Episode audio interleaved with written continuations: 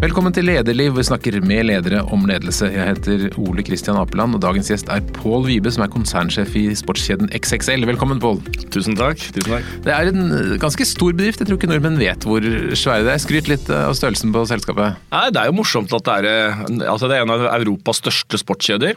89 varehus, nesten 10 milliarder omsetning. 5500 ansatte. Og det er jo faktisk startet å ha hovedkontor i Norge, så det, det, er litt unikt. Det er gøy. Og du startet 1. april, og det betyr i koronatid, så du har kanskje ikke fått hilst på alle ansatte ennå? Nei, altså jeg måtte jo først sende ut en nyhetsbrev som jeg gjorde 1. april, og si at det ikke var en aprilspøk. Eh, jeg har, jeg har, faktisk ikke vært utenfor Norge i, siden da. Så jeg har flere i ledergruppa mi som eh, jeg enda ikke har fysisk møtt, men jeg føler etter hvert nå at jeg kjenner de godt. Men Veien dit da til sjefsstolen etter store selskapet, hvordan, hvordan uh, havna du inn i dette?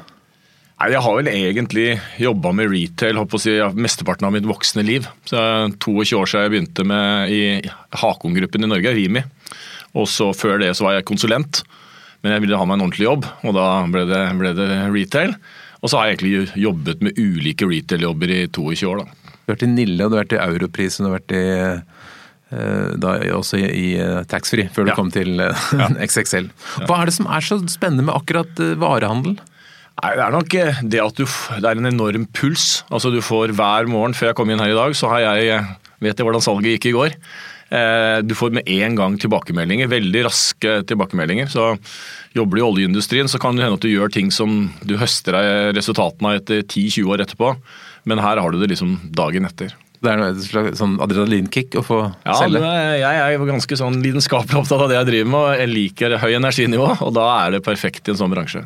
Hvor tidlig i livet skjønte du at du kom til å bli en leder? Leder har jeg egentlig ikke, kanskje vært litt, ikke vært så bevisst på, men jeg skjønte jo at jeg, skulle, at jeg kanskje kunne bli en kremmer. Det sa for mine foreldre. Jeg spilte fotball da jeg var liten, jeg kom fra Hamar. og Vi spilte Norway Cup, og da bodde vi på Bogstad camping. Eh, og jeg var så ivrig etter å gå rundt på disse campingplassene og pante flasker, få flasker, at til slutt så trua treneren meg med at eh, han satte meg av laget hvis han så meg pante én flaske til når vi kom til sluttspillet. Så da skjønte Jeg at jeg er en av de få som har kommet tilbake etter Norway Cup med mer penger enn det jeg hadde når jeg dro. Eh, så da skjønte jeg at jeg hadde liksom en passion for, for det å kjøpe og selge og tjene penger. Da. Så da måtte det bli økonomiutdanning etter hvert òg? Da ble det økonomiutdanning etter hvert. Men eh, når det gjelder akademi leder, så er det mer sånn på en måte Jeg, eh, jeg har spilt fotball, jeg er lagspiller, og på en måte jeg er nok mer opptatt av egentlig liksom lag og team og ja, lagspill. Og så på en måte har det bare blitt sånn at etter hvert så har man fått muligheten til å ta lederutfordringer. Du har hatt ganske mange lederutfordringer etter hvert. Hvilke opplevelser er det som har formet deg mest, tror du, som leder? Nei, det er nok eh, Du blir jo bedre og bedre for hvert år som går. Så du gjør deg erfaringer i alle jobber. Eh, jeg er veldig glad for at, eh, egentlig at jeg har gått, si, tatt den rekkefølgen jeg har gjort. Jeg tror at Hadde jeg fått jobben i XXL for 16 år siden jeg ble administrerende direktør for første gang, så tror jeg ikke det hadde gått så bra. Så jeg tror på en måte det at man har hatt utfordringer med si, stigende grad av kompleksitet, da, det er en fordel. Mm. Så det, det, er noe med liksom det der å krype før man går. Hva har du blitt bedre på på de 16 årene? da? Nei, jeg tror jeg har blitt bedre på eh, For det første så kan jeg mer nå om helheten i retail. altså Alle deler. så Det, det er en fordel når man jobber i komplekse verdikjeder, flere land og ja, større ting. Så Det er den ene delen. og Det andre er vel at man blir stadig bedre og mer bevisst på betydningen av flinke folk rundt seg. Det var jeg for så vidt klar over for 16 år siden, men eh, jeg er kanskje enda mer takknemlig og, og glad for det nå. Mm. Når du da begynte på ny jobb 1.4, eh, hadde du noen tanker om eller hadde sikkert, Hvilke tanker hadde du om hvordan du skulle være som leder for XXL? Nei, jeg tror som leder at du først og fremst må være deg sjøl. Det er ikke sånn én formel for hvordan du skal være en god leder. Det er mange forskjellige veier som kan lykkes. Men jeg tror det handla veldig mye om å ja, forstå businessen og bli kjent med folka. Iallfall den indre kretsen. Da. Det er jo dessverre umulig å liksom fysisk bli kjent med hele, hele gjengen ennå. Men eh, å, å få samla og få, måtte, få, møtt den indre gjengen, det, det, var noe av det aller, aller første. Jeg skal jo jobbe gjennom noen folk, og da er det viktig at, liksom, at vi får en god tone og blir godt kjent. Så det var noe av det aller første jeg gjorde. liksom. Men Hvordan vil du at de skal oppleve deg? Nei, Jeg tenker at jeg er engasjert, eh, og at jeg på en måte lyttende, eh, og samtidig er til stede og kan hjelpe og støttende hvis man trenger avklaringer og liksom, eh, tips. Så jeg ser på meg selv litt som en sånn, som en sånn fotballtrener, kan du si, som skal gjøre laget ut på banen god. da. Så det er en litt sånn aktiv, halvveis spillende trener. Mm. Nå har ikke det laget vært så godt, i hvert fall ikke alle deler av det. Det har vært, eh, det har vært I fjor særlig det medieoppslaget rundt ukultur. og mm. eh, E24 skrev at XXL-kultur trenger en ekstrem oppussing. Etter mm. bl.a. dette med armhevinger og fryktkultur og sånn i, i, Sverige. Er det du som gjør den oppussingen? Eh, ja, nå kan jeg, jeg, kan jo ikke egentlig Jeg er som deg, at jeg har lest i mediene jeg, mer om det. Jeg må si at førsteinntrykket nå, som sagt det er jo korona, så jeg har ikke fysisk møtt alle menneskene, men førsteinntrykket mitt er at, eh, er at, det er masse flotte mennesker i XXL, og egentlig en ganske sterk og fin kultur på mange områder. Og så tror jeg liksom at eh, XXL, som alle andre, særlig retail-bedrifter med mange mennesker, da, eh, har alltid behov for tydelig lederskap. At noen liksom setter retning og, og, og rammer for ting. Og, det er vel kanskje det jeg, som er min jobb. da, Å på en måte være det, gi det lederskapet. men egentlig så Foreløpig så syns jeg at XXL-kulturen er egentlig positivt sett veldig sterk. Eh, så jeg er litt positivt overrasket. Eh, men Jeg har jo selvsagt lest i avisene som du har lest, men eh, syns egentlig at det virker veldig bra. Ja. Men er det stor forskjell? Altså, du har vært i Nille Europris XXL, som jo er jo ganske tilsvarende virksomheter. Er det stor forskjell på en Nille-kultur, en Europris-kultur en XXL-kultur? Ja, Det er alltid forskjeller mellom selskapene, det er det. Men akkurat de tre selskapene så er det også mange likheter. så det er kanskje liksom vel så mye likheter. Altså, det er veldig engasjerte folk. Eh, hvis jeg sammenligner Europris som var sist, da, og XXL, veldig veldig engasjerte folk. Det er folk som legger mye mer eh, jobben sin enn bare Det er ikke bare en jobb. Eh, så det er en veldig sånn lidenskap i, XXL da, for sport i tillegg til, til det å drive med retail. Så det er ja, det er kanskje det største fellesnevneren. Liksom, at det er mange mennesker som er flinke fagfolk, men også som som har hjertet langt utapå drakta. Mm. Hvilke indikatorer har du på at kulturen i bedriften er bra eller dårlig? Nei, du kan eh, aldri Altså, kulturen får, får du bare testet det hvis det, hvis det kommer til, noe, til, noen større kriser og sånne ting. Men derfor det jeg opplever, er liksom at det er en stor grad av enighet, sånn som i XXL. da, og det var altså i Europris, En stor grad av enighet om liksom, på en måte retning, men også liksom, litt om spillereglene for hvordan vi skal være mot hverandre og den type ting. Det, det er kanskje noe av det aller viktigste. Da, på en måte, at uh, vi, skal være, vi skal også være et lag som folk uh, heier på. og Da må vi oppføre oss ordentlig både internt, men også ut mot partnere. Mm. Hvor mye betyr kultur i en kjede som XXL sånn for bunnlinja? Jeg tror det betyr nesten alfa og omega. Jeg tror det er mye viktigere enn man tror. Det er jo noen som sier at culture eat eh, strategy for breakfast. Jeg er jo gammel strategikonsulent, men jeg tror faktisk det er, det er viktigere det egentlig enn å ha den rette strategien. Og, og, både i XXL og i Europris og i Nille så er det veldig mange flinke mennesker, men som, det er også en veldig sterk kultur.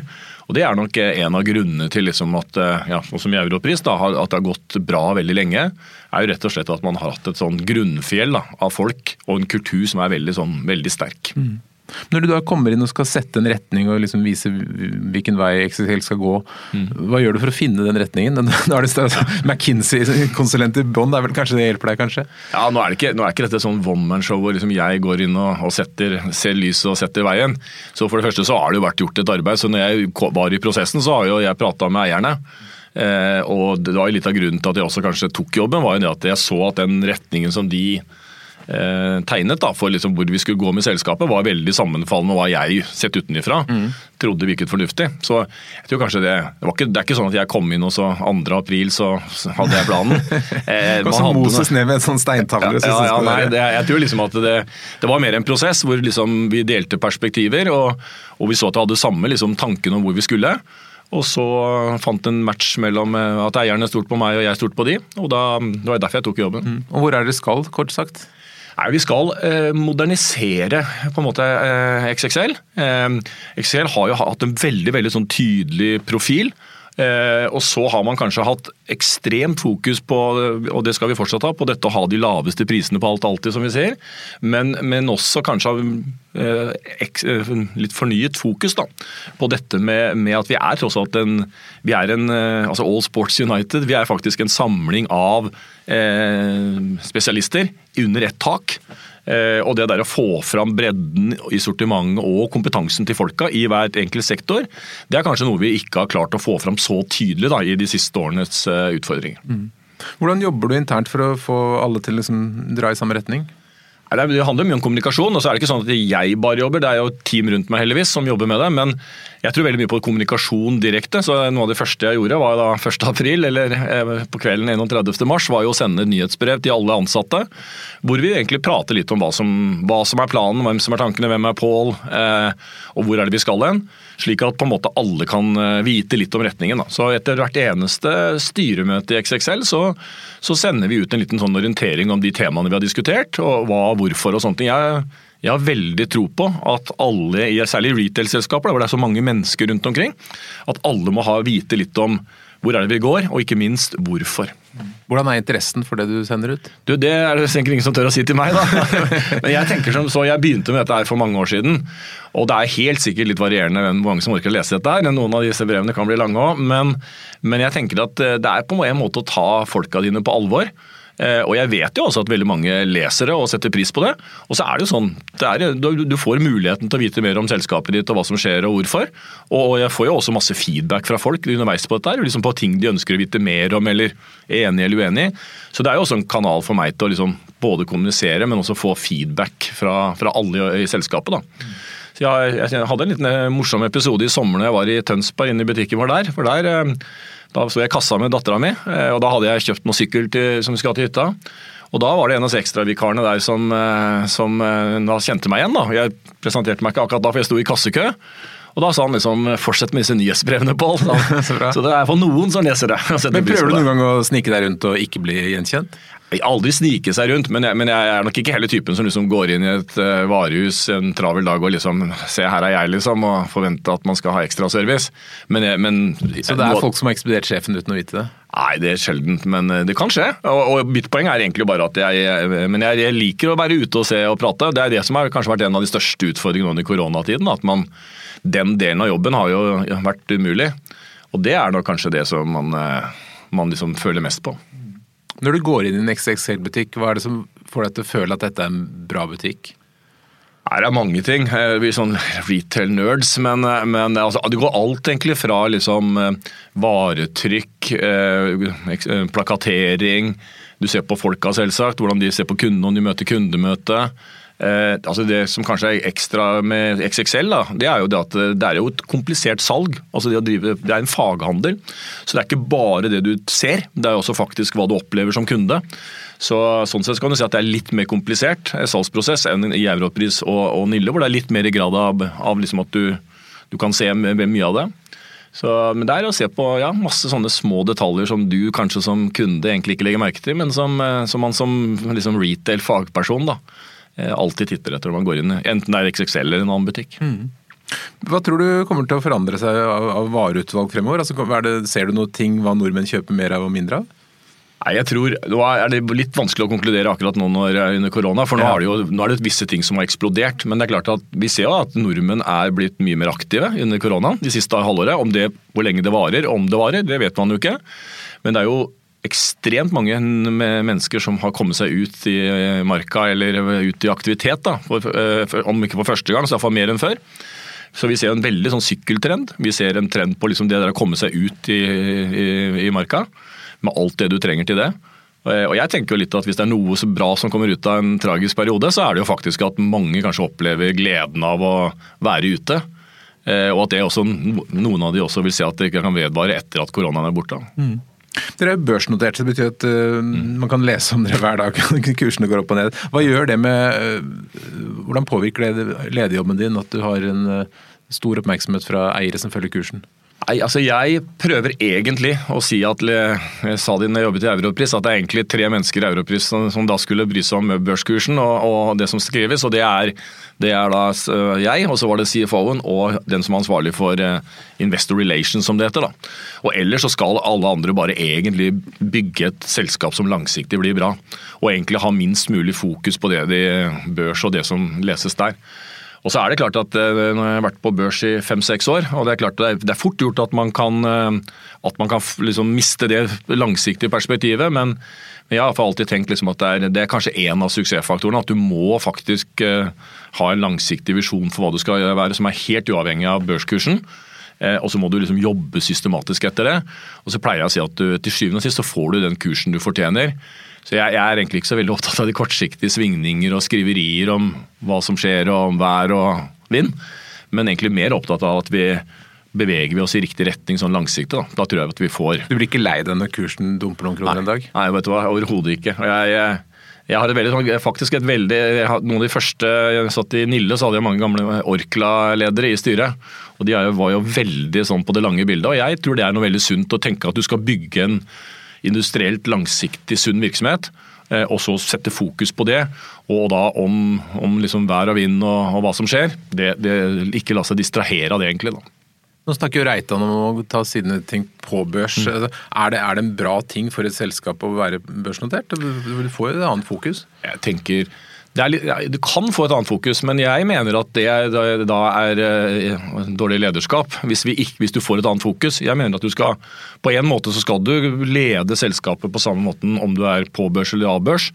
Det er klart det er lettere at du mister fokus hvis, eh, når det blir så mye fokus og skriveri rundt deg, men egentlig er det ikke et børs det som skal avgjøre om uh, hva du setter på agendaen internt i selskapet. Er det mange av de ansatte som er engasjert i kursen, som har aksjer? Eh, det er, en del som har aksjer, også, og, og, det er nok mange som, om ikke er engasjert i kursen, så kanskje at du leser, særlig sportsbransjen er jo til å være retail. Jeg har jobba 22 år i retail nå, og sportsbransjen må jo være kanskje en av de mest yndede objektene for skriverier. Så det er klart at folk blir jo påvirket av eh, at det skrives om eh, jobben sin. Og folk er jo, særlig da når folk er veldig engasjert og lidenskapelige om jobben sin, så er det klart at det er nok mange som følte veldig tøft på den perioden i fjor. Hvor, eh, hvor, det skrives negativt om bedriften. og kanskje mange, De aller fleste kjenner seg jo ikke igjen i det bildet som tegnes.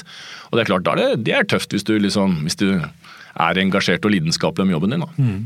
Du har skjønt at uh, i hvert fall vær og vind, eller været, brukes veldig ofte som forklaring på om noe går bra eller dårlig i sportsbransjen. Du har liksom bare både hatt uh, koronaen og været, og så har du kanskje andre trender med nye aktører og netthandel. Og Så hva er det som påvirker? Hvilke av disse rammebetingelsene er det som påvirker dere mest? Nei, jeg tror Det er, jo, det er viktig å liksom skille mellom ting som er midlertidig, som du må på en måte klare å håndtere og som du ikke har kontroll på, og, og ting som er permanente og som du må forholde deg til og liksom tilpasse. Været er jo, som du, vi alle vet, det er noe du ikke kan påvirke. Da må vi egentlig sette opp systemene vårt og, øh, sånn, og finansieringen vår sånn at vi kan tåle godt og, både godt og dårlig vær. Øh, på en måte. Eh, når det gjelder dette med konkurranse og økt netthandel og den, de, de, trendene der, så, så, er det mer at det er noe jeg tror kommer og selvsagt blir mer og mer av. Det er, det er også en mulighet. Så jeg vil si at Noe av det mest spennende vi har jobbet med nå under koronaen i XXL, det er jo faktisk å akselerere en del av de planene vi hadde før. Eh, fordi vi ser at eh, koronaen egentlig gjør f.eks. skifte over til netthandel mye mye sterkere. Folk er enda mer på den digitale markedsføringen. Og da må vi egentlig bare være enda raskere. Og Hvis vi klarer det, og det føler jeg at vi har gjort, eh, jobbet veldig bra med så langt, så kan vi faktisk bruke det som en mulighet til å få fortgang på utviklingen, selv om, selv om verden rundt oss står stille. Hvordan ser du for deg at samspillet mellom nett og butikk blir fremover? Jeg tror du blir helt sømløs. Jeg tror de fleste kundene de er egentlig ikke opptatt Du er ikke opptatt av om du handler på XXL på nett eller fysisk.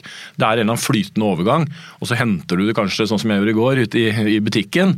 Du bestiller på nett, du begynner reisen mer og mer digitalt, og så ender du kanskje opp i en fysisk butikk. Særlig sport, fordi du har lyst til å få råd og tips. Så jeg tenker at kundene bryr seg egentlig ikke om det er nett eller fysisk. Og Det er, det, det er noe av det som er det aller viktigste. At vi da, vi må jo også organisere oss sånn at det ikke er noe unaturlig skille mellom de fysiske varehusene og nettet. Eh, og Det krever at du får et bra samspill. og Det er lett å si, men det er mye mye mer krevende i praksis. Men Dere konkurrerer jo i stor grad på pris. Det må bli vanskelig å konkurrere på pris med andre aktører som eh, ikke har noen butikk? Du, er, Vi konkurrerer på pris, men for så vidt også på mye annet. Og Sport er jo egentlig også det. Det er ikke bare pris, faktisk. Altså, det er service. Du kan kjøpe sykkel, du vil gjerne kanskje ha en god service, eller preppe skia dine osv. Vi har børsemaker, ikke sant. Mange andre ting. Så jeg vil si at i sport så er det også mange andre ting å spille på enn bare pris. Det, være, det er andre næringer og bransjer hvor det kanskje er enda mer rent prisfokus, vil jeg si. Når det gjelder dette med priskonkurranse, så er det det at hvis du da skal være billigst på alt alltid, så er du nødt til å ha de laveste kostnadene. Så noe av det vi jobber med, er jo nettopp det å hvordan kan vi sette opp hele verdikjeden vår sånn at vi har de laveste kostnadene. Og Det handler om hvordan vi gjør effektive innkjøp, hvordan vi gjør effektiv logistikk. Når vi setter opp eh, vår e-handel og sånne ting, at det blir gjort på en veldig veldig sånn skalerbar og effektiv måte. Og Det er noe av det, det er ikke noe jeg skal ta æren for, men, men, det er jo noe av det som er kanskje nøkkelen til suksessen i XXL-konseptet, og kanskje grunnen til at jeg kaller det litt en sånn mm, akkurat eh, i fjor kanskje en upolert diamant, da. Det er jo nettopp det at eh, man har noen helt unike forutsetninger for å ha lavere kostnader enn alle de man konkurrerer med. Og Det er jo hele forutsetningen for å ha de laveste prisene. Får dette noen føringer for hvordan en butikk ser ut? Blir det, blir det et større grad opplevelsessenter etter, etter hvert? Ja, Det blir nok mer, i fall, det blir mer tjenester, mer kombinasjon. Jeg tror liksom, Det er et godt stykke unna at du bare kommer der og ikke har en vare og bare opplever, men jeg tror det kommer til å bli mer. Vi, akkurat i, i disse dager så installerer vi f.eks. i løpedelen hos oss installerer vi noe som heter Fit Stations. Som er sånn at du kan få skanne foten din. Eh, og så kan du få vite da, sant, eksakt hvilke løpesko som passer til din fot. Dette er noe som vi da blir alene om i Europa nå i sportsbransjen på, som altså heldigitalt. Da. da kan du f.eks. få tips om når er det kommer inn i kolleksjonen en sko som passer perfekt i din fot. Eh, så jeg tror det blir en sånn kombinasjon av tjenester som kundene setter pris på, og på en måte produkter og service og råd. da. Og det som er Fordelen i sportsbransjen er at det er fortsatt veldig mye sånn rådgivning. Folk kommer jo til butikkene for å få tips og råd. og ja, er, og Da må vi også jobbe med å eh, opp, lære opp de ansatte. Og Det er noe av de gründerne i XXL så veldig tidlig. At de har da på en måte hatt veldig veldig fokus på å investere i kompetanseutvikling hos folka. Så Vi har jo faktisk vår egen leirskole, som jeg har vært og besøkt. faktisk. Det er en av de tingene jeg rakk før eh, korona stengte. Som er altså et, et, et, et, opplæringssenter med 90 sengeplasser ute i skogene. Hvor liksom man rett og slett prøver på de fysiske varene og jobber med liksom, produkttrening og andre ting. da. Og Det tror jeg er en av, kanskje en av suksessformene i XXL. At eh, du, du jobber med å skape en konsistent kundeopplevelse. Men uh, dere er jo ofte i kjøpesentre. Hvordan ser du for deg at kjøpesentrene ser ut? Uh, Nei, Vi er ikke så ofte i kjøpesentrene. Vi er, fleste, vi er store varehus. Ja. Uh, så de fleste av våre varehus er faktisk utenfor kjøpesentrene. Okay.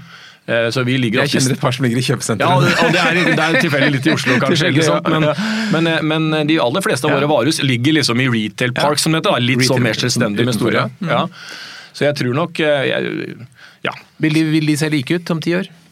De kjøpesentrene? Ja, og kjøpesenterområdene. Blir det store endringer i varehandel totalt sett? Det, det, blir garantert store endringer i varehandel, og det har allerede begynt og det kommer til å akselerere. Det er klart det at eh, kjøpesentrene sliter med at en del av de eh, konseptene som er i kjøpesentrene kanskje ikke vil overleve på lang sikt. Men så er mange kjøpesentre også flinke til å bringe nye ting som servering og kanskje ulike offentlige tjenester og sånne ting. Men eh, det er klart at på, liksom, på marginen så er det klart at det å være eie et kjøpesenter var kanskje enda mer lukrativt for 15 år siden da, enn det blir om 15 år. Mm. På hvilken måte stiller bærekraftutviklingen krav til dere? Det er eh, en av de tingene jeg mener er en litt eh, en ikke fullt utnytta mulighet i sportsbransjen. Jeg vil jo si at sportsbransjen eh, for det første så tror jeg sportsbransjen generelt, hvis du tar et litt utvida bærekraftbegrep, er jo egentlig hele bransjen, ikke bare XXL. er jo egentlig, handler veldig mye om bærekraft, for det handler om å få folk å komme ut og nyte naturen. Og hvis du skal få ut og nyte naturen, så må vi også være med å ta, ta, vare på naturen. Så jeg tror både det der med at vi må jobbe med hvordan produktene produseres, emballasje, frakt, at det, alt det der er effektivt, det er jo en del av det. Men så er det også det at sant, det er ikke alle som kanskje eh, kjøper en kano første gangen de skal ut på tur. Så det kan hende at dette med å kunne leie ting, dette med å kunne gjenbruke ting, reparere ting, det er ting som kommer og som vi jobber konkret med. Ser dere for dere at dere kan leie ut ting? Ja, absolutt. Eh, og Det kan også være, det kan på sikt være et marked som kanskje er mye mye større enn i dag. Det er, det er jo som sagt, Nå er vi i Oslo, og det er klart at det er mange som bor i Oslo bor trangt. Det er ikke sikkert du har plass til alle de tingene som er der, men du kanskje vil ut med familien på en eller annen sommerferie og, og trenger noe utstyr. og Da er det jo veldig upraktisk å måtte kjøpe det utstyret du skal ha. Vi må snakke litt mer om korona, for den har jo åpenbart påvirket dere som alle andre. Eh, en ting er jo hva som skjer i butikken, men hvordan, hvordan har det, ser det ut i et sånn større bilde med hele verdikjeden? Sånn, for dere, jo, mm. dere jobber med hele verden? Ja, eh, du kan si Det har egentlig vært overraskende. Det eh, det har vært utfordrende. Men så, tross alt, når det er en så stor og alvorlig pandemi, så vil jeg si at det har gått overraskende bra, egentlig. Det mest krevende det har egentlig vært at når pandemien starta, så var jo XXL i en situasjon hvor man liksom måtte bremse. Man hadde kjøpt inn for mye varer, og så hadde salget ikke gått så bra. Og da, når du kjøper mye varer og, og selger lite, så til slutt så får du ikke plass eller penger. Så vi, akkurat, vi hadde begynt å jobbe noen måneder med å rett og slett redusere ganske dramatisk eh, varekjøpene våre. Og så kommer pandemien, og etter en liten stund så pekte alle pilene oppover. Og da skal du, disse stakkars innkjøperne våre de skal altså da snu 180 grader og, og, og prøve å finne varene. Så jeg tror Vi har, liksom, vi har tråla hele Europa etter sykler i sommer, og, og utenfor det òg. For rett og slett å kunne liksom betjene kundenes etterspørsel. Da. Og det, der, det høres kanskje konseptuelt enkelt ut, men det er utrolig mye, mye jobb. Og gjort en fantastisk innsats, også de leverandørene våre, med å lete etter liksom, varer å finne. Mm. Kan du prøve å beskrive hvordan det ser ut, hele mekanismen fra dere bestiller altså F.eks. neste års sykkel, da, som jeg skal kjøpe neste år hos deg. Mm. Hvor er den nå? altså Hvordan er hele logistikken rundt den? Hvor tidligere bestiller dere for sommeren f.eks.? Ja, vi bestiller jo, Du kan ta, du kan ta eh, jul f.eks. Så er det sånn at nå, i disse dager, så er vi godt i gang eh, med å bestille varene til vintersesongen neste år. Og Det er da varer vi skal selge fra oktober til neste 2021 til mars 2022. Så Det betyr at vi må egentlig ha en mening, vi. Når vi setter innkjøpene på hva, hvor mye skal, salget skal vokse i eh, januar til mars 2022 allerede. Og det må vi begynne å ha nå. Eh, så det, det, det, krever er jo gode prosesser, og så er det litt sånn teamarbeid. For det er jo sånn at definitivt ikke, ikke, jeg, men mange trenger å sette seg sammen og på en måte sparre ideer. da. Jeg er også med på det, men, men eh, for å mene noe om det. Og så må man ofte oppdatere disse prognosene.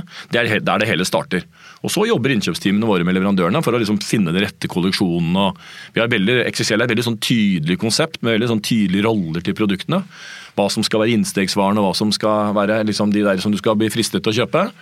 Eh, og Da er det klart at da må man liksom, det er en god dialog med leverandørene for å finne riktig spesifikasjoner på det. da. Det er, slags, det, er en slags stige. Ja, ja. Fortell om den. Nei, det er, liksom, det er, noen mennesker på en måte I alle kategorier så er det noen mennesker som, eh, som sant, Det er varierende grad av engasjement. og det er klart at Noen er bare opptatt av de skal kanskje ikke bruke det mye, og da, de ha, da er det pris. Men så er det i varierende grad sant, hvor mye du bruker, og hvor entusiastisk du er rundt, og hvor, hvor tøff bruk det er av skalljakkene f.eks. Og da vil jo kreve mer av produktene. Og da, Vi skal jo ha noe for alle de ulike kundesegmentene. Og jeg som kunde kan jo være veldig eh, engasjert i fotball. Og så kan jeg være litt mer sånn eh, hobbybruker i sykkel. Og så kan jeg være veldig engasjert igjen i, i løping f.eks.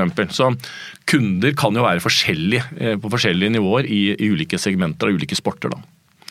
Og så kjøper du det da Er det faste leverandører, eller er det en slags børs, eller hvordan fungerer det? Nei, det er faste leverandører. Og ja, det er faste leverandører. Mm. Du kan si I XXL så er det mye merkevarer, sånn merkevareleverandører. så vi er, jo, vi, jo, vi er jo størst på merkevarer i hele Europa, faktisk, i sportsbransjen. Eh, mens i Europris så var det jo en god blanding av dagligvaredelen, som var mye merkevarer, men da den non-food-delen, som man sier, som da var egentlig mye egne, altså egne merkevarer. da.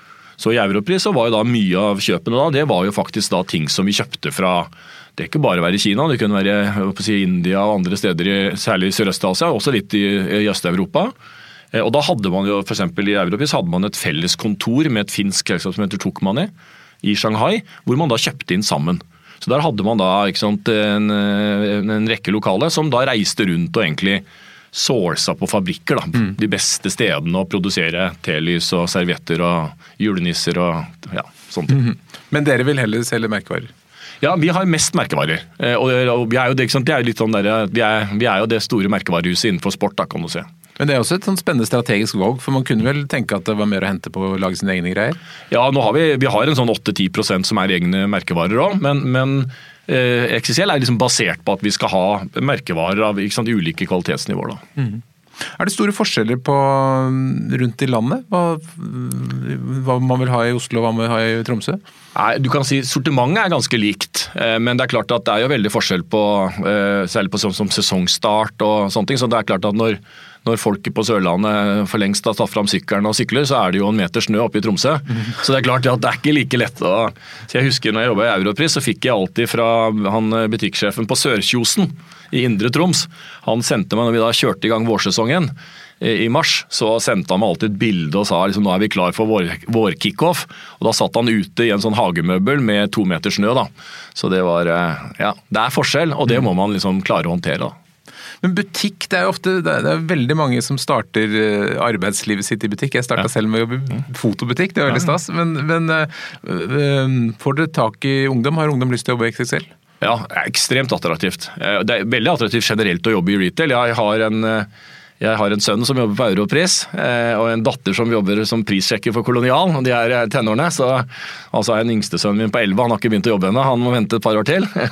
Eh, men jeg synes det er en veldig fin jobb for mange å komme inn i arbeidslivet. og Ofte så begynner det eh, med at man en sånn deltidsjobb. da.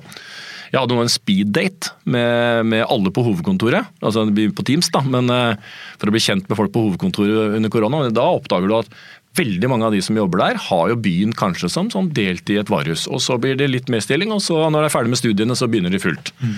I sport så er det veldig, det er veldig attraktivt å jobbe i sport, og det tror jeg er litt sånn, sånn hvorfor jeg også eh, gikk over i sportsbransjen. Det er jo fordi du elsker de varene du selger. Liksom, Det er jo litt gutte- og pikedrømmen å kunne liksom leve av å, å selge ting du syns er fantastisk morsomt å bruke. Og Det tror jeg nok gjør at sport er kanskje ekstra attraktivt, og også litt sånn ekstra nyhetsinteresse, da, for alle har et forhold til det. Hva leter dere etter når dere ansetter folk? Nei, Holdning, egentlig. Holdning og verdier. Det er, jeg tror, jeg, og det er ikke bare å ansette folk, det er egentlig ledere og det. Jeg mener at det er eh, viktigere med endringsvillighet og ydmykhet enn, eh, enn liksom faktisk nivå. Så jeg pleier å flåse og si at eh, jeg vil heller ha en middelmådig person som er sulten og endringsvillig, enn å ha en verdensmester som er full av seg sjøl og satt. Men Er det mange som ser for seg å være et helt liv i butikk? Du, jeg, vet, jeg tror ikke nødvendigvis de gjør det, og, og, jeg tror mange også kanskje, men jeg tror det begynner, og så er det et veldig, altså det er veldig morsomt å jobbe Det skjer jo noe hele tida. Og, og, og, du har jo også ulike typer ting. Du kan bli ekspert innenfor kategorien, eller du kan ha avdelingsleder på noe. ting. Mange av de som jobber på hovedkontoret, har jo begynt også. I, i et varehus, og så er de kanskje salgssjefer eller driftssjefer sentralt. Så det er også en karrierevei. liksom sånn, så og Det morsomme med, med, å jobbe i butikk er jo at du, det er jo egentlig en litt undervurdert eh, jobb. Altså, en gjennomsnittlig butikksjef i XXL selger for tett opp til sånn, 100 millioner kroner, har 50-60 ansatte i varierende stillingsgrad. Det er jo en stor norsk bedrift. Så Det er klart at eh, det er kanskje ikke alle som tenker på det når de går innom et varehus, men det er faktisk en lederutfordring som kanskje er større enn det de fleste ledere i Norge har. Hvis du skulle vært plassert på gulvet og jobbet i en avdeling, hvilken avdeling hadde du gjort det best i? tror du? Jeg tror nok, altså, jeg er gammel fotballspiller, da, avdanka fotballspiller, så jeg hadde nok liksom kanskje egna meg best der. Men jeg kunne sikkert, jeg, jeg, jeg syns det faktisk er morsomt uh, i alle avdelinger. Jeg sier til kona at jeg pleier å gå på en smell annenhver dag på jobben for jeg er nedom om å kjøpe noe. Så jeg, jeg syns det er utrolig mye morsomme varer vi selger, men jeg er jo som, som gammel fotballspiller, så jeg hadde kanskje Men har dere et opplegg hvor lederen er ute og jobber? Har du vært ja. arbeidsuke? Ja, ja altså nå har, vi, nå har, jeg bare vært der et halvt år. Men, i, men i Europris så hadde vi for sånn at da var det et par dager i året hvor vi var ute. Så f.eks. på da eh, visse høytider så var vi ute og jobbet, f.eks. Altså i fjor eh, eller var det forrige fjor, så var jeg på Vestby for eksempel, og da jobbet jeg på, i butikken på Black Friday. Da, jobbet sammen med nestkommanderende der. Så jeg tror det er veldig nyttig å være ute og på en måte ha på den følelsen. Eh, det, det, tror jeg er en veldig nyttig erfaring. for det, det man ofte oppdager er at hverdagen der ute er mye mer krevende enn det det kan virke fra hovedkontoret. Og Det er veldig nyttig for de som jobber i stabsfunksjoner på hovedkontoret å se litt hvordan ting funker ute i praksis. Da. Så jeg får alltid masse, masse gode ideer når jeg har vært ute og jobba i butikk. Vi må snakke litt om markedsføring, for det er jo et ekstremt synlig selskap. Jeg føler ikke jeg kan åpne avisen uten å få et sånt XXL-bilag ja, så, bra, så bra. Eh, hvor mye betyr det enorme reklametrykket dere har? Nei, det er litt av konseptet, liksom. At man, har, man, man samler Man har effektive innkjøp. Veldig effektiv varelogistikk, automatisert logistikk. Og så at man har store varehus, så det er liksom effektivt sånn kostnadsmessig. Og så har man liksom hele tiden ønsket å på en måte være veldig synlig da, til, mot kundene. Eh, så det, og så kan du si at Nå har jo det bildet forandra seg litt. så I gamle dager så var det veldig mye av det du sier, ikke sant? Med, med kundeaviser som var stort sett alt det vi drev med. I dag så er det faktisk blitt en Vi har nesten bruker mer på det, digital markedsføring. Så det som kommer opp i, når du søker eller på mm. Facebook eller ulike sosiale medier. Eh, og har bygd opp mye kompetanse også der, egentlig. Men Noen vil sikkert spørre om det er nødvendig å være så på, for vi, vi vet jo hvor dere er hvis man skal ha tak i dere. Men du tenker at dere må hele tiden fortelle? Ja, eller jeg tenker også at i den digitale verden så blir ting også eh, mer og mer målbart. Så det er klart at du kan på en måte hele tiden se om du får betalt for å gjøre det. Mm. Det er ikke noe mål i seg sjøl å bruke penger på markedsføring, men jeg tror at så lenge du føler at du gjennom det klarer å nå fram til noen flere, da, og få noen flere til å handle hos oss, så er det jo lønnsomt.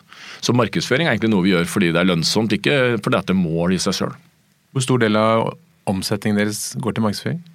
Nei, det har vært litt mer tidligere. så I fjor var det vel en 6 eller noe sånt. I år så tror jeg det blir, har vi klart å redusere det ganske betydelig, men samtidig faktisk opprettholde effekten. Så det har vært veldig positivt. Det er bra. Ja. Helt til slutt, Pål, hvis det kommer en ung person til deg og sier at jeg vil bli leder, jeg vil bli sjef i en stor kjede akkurat som deg, hvilke tre lederråd vil du gi? Jeg tror det aller viktigste det er kanskje at det viktigste du gjør, er hvem du jobber med. Eh, og det er nesten viktigere, særlig i starten, enn egentlig hva slags jobb du har. Det lærte jeg. Jeg begynte i Hakon-gruppen fordi jeg kunne jobbe med Petter Rutschika og mange andre flinke mennesker, og lærte masse. Det er kanskje noe av det aller viktigste. Og så tror jeg at eh, retail, som mange andre jobber, jeg tror det er ekstremt viktig som sagt, å være ydmyk og endringsvillig. For jeg tror at verden forandrer seg fortere og fortere nå. Jeg eh, blir avleggs hvis ikke jeg utvikler meg. Alle blir egentlig det. Så jeg tror du må på en måte du må i mye større grad enn du måtte for 10 og 20 år siden, så må alle kjeder, alle konsepter, alle folk må, må endre seg hele tida. Det er kanskje det aller, aller viktigste. Og så tror jeg det er greit å være ålreit. Eh, liksom oppføre seg ålreit. Det er liksom god folkeskikk. Jeg kom fra Hamar, så da var det viktig å oppføre seg ordentlig. Så gikk, så, gikk det ikke bra. Og jeg tror liksom det der å oppføre seg ordentlig og få folk til å heie på seg, da får du litt ekstra drahjelp og støtte. Så jeg har alltid tenkt at liksom jeg skal gjøre mitt beste. Jeg kan ikke gjøre mer enn mitt beste, men hvis jeg da oppfører meg ordentlig, også, så, så, er det kanskje noen som heier på og hjelper hvis jeg bommer litt. Da. Det var en fin avslutning. Pål Vibe, tusen takk for at du kom til Lederliv. Takk, takk.